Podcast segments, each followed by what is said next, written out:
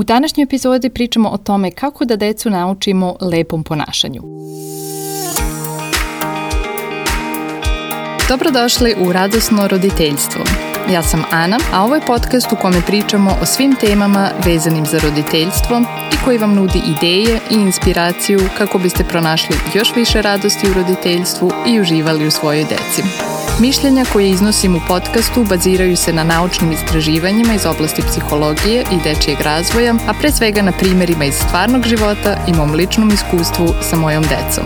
Hvala što ste tu.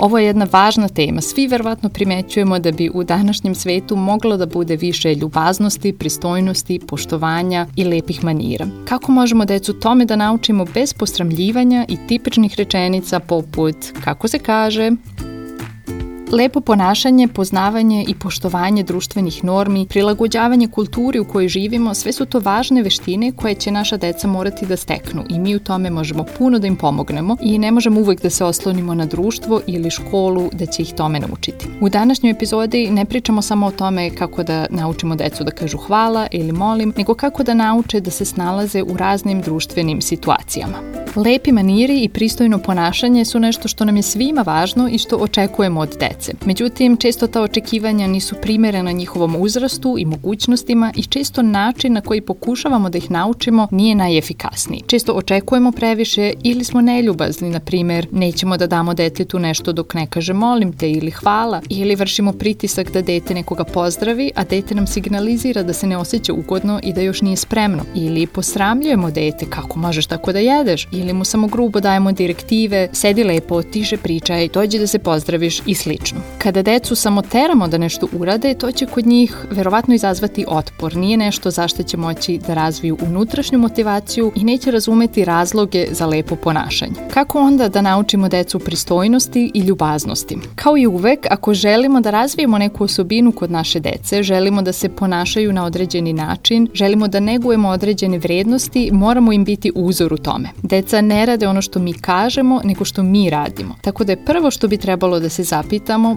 kakvi su naši maniri, da li smo mi uvek pristojni, ljubazni, da li se snalazimo u svim društvenim situacijama ili možda možemo još nešto da naučimo i poboljšamo. Zatim dok su deca mlađa, često ćemo im u početku više pomagati u socijalnim situacijama. Na primjer, ako se dete krije iza nas i nije spremno da odgovori na neko pitanje, možemo odgovoriti umesto njega uz komentar da dete tu treba još malo vremena. Ili ako dete dobije poklon koji ne želi da primi jer se stidi, možemo mi primiti poklon, zahvaliti se i reći, na primer, ponekad se toliko stidimo kad dobijemo nešto da nam je teško da se zahvalimo. Ili ako detetu teško pada da se pozdravi, možemo to uraditi zajedno i, na primer, ponuditi detetu da samo mahne.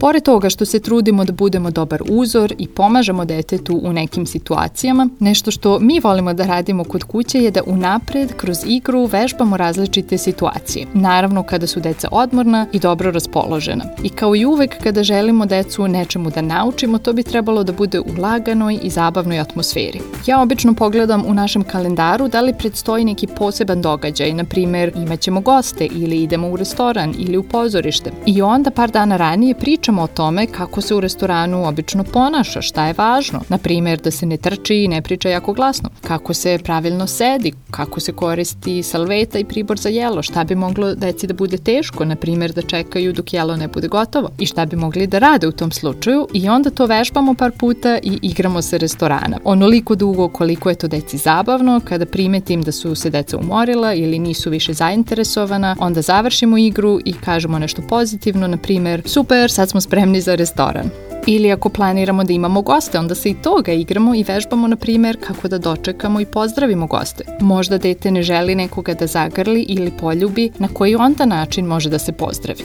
Ili u slučaju da dobije poklon, kako će ga primiti, otvoriti i pokazati da je zahvalno. I onda možemo da iskoristimo tu priliku i pričamo o tome da je, na primer, baka mislila na njega i htela da ga obraduje i otišla u grad i u prodavnici razmišljala šta bi mu se dopalo i to je kupila od svoje penzije i odnela kući i upakovala i tako dalje, tako da dete razume šta se sve krije iza tog poklona i zašto je to nešto što cenimo i što želimo i da pokažemo. Znači, nije poenta da dete samo kaže hvala i da to bude prazna reč, nego da razume da ta reč ima značenje i da se kroz nju pokazuje naša zahvalnost.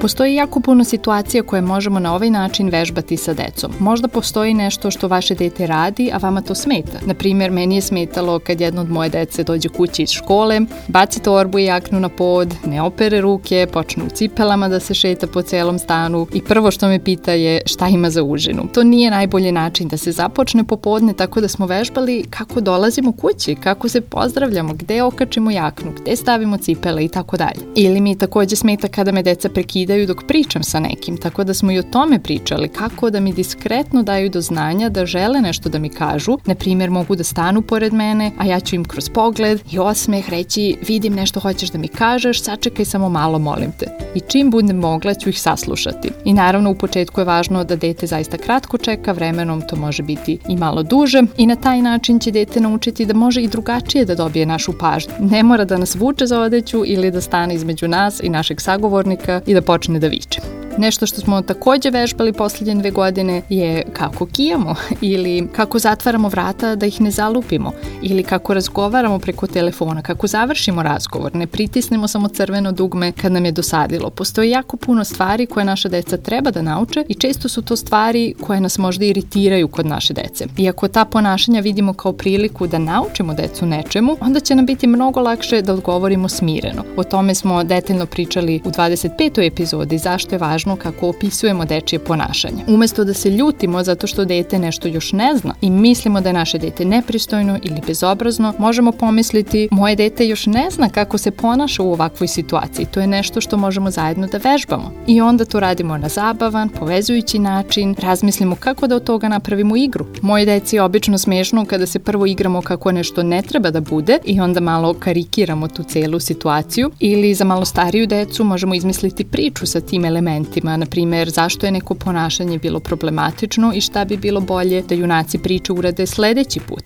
I takođe ne bi trebalo da vežbamo puno različitih stvari u isto vreme, nego da se odlučimo za ono što je aktuelno, za ono što mislimo da će trenutno najviše koristiti našem detetu ili za ono što smo primetili da nam najviše smeta. Naravno, činjenica da smo neku situaciju vežbali sa detetom ne znači da će dete odmah to naučiti i primeniti i da neće isprobati različite načine ponašanja koje vidi, na primer, druge dece. To može da bude frustrirajuće, naročito ako imamo malo stariju decu od 6, 7, 8 godina. Desit će se da pomislimo zašto to nije naučila do sada, zašto to još uvek radi. Međutim, setimo se da je ovo duži proces i da je potrebno puno objašnjavanja socijalnih normi, puno prilika za vežbanje i puno strpljenja sa naše strane i poverenja da će se vremenom ove veštine razviti.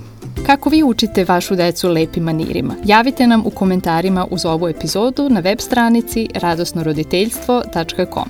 I takođe, ako mislite da bi ova epizoda nekome koristila, podelite sa svojim prijateljima.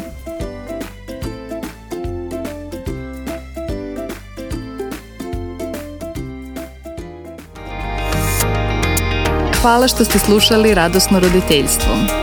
Ako imate neko pitanje, predlog ili samo želite da mi se javite, pošaljite mi e-mail na adresu podcast.radosnoroditeljstvo.com ili popunite kontakt formular na web stranici radosnoroditeljstvo.com.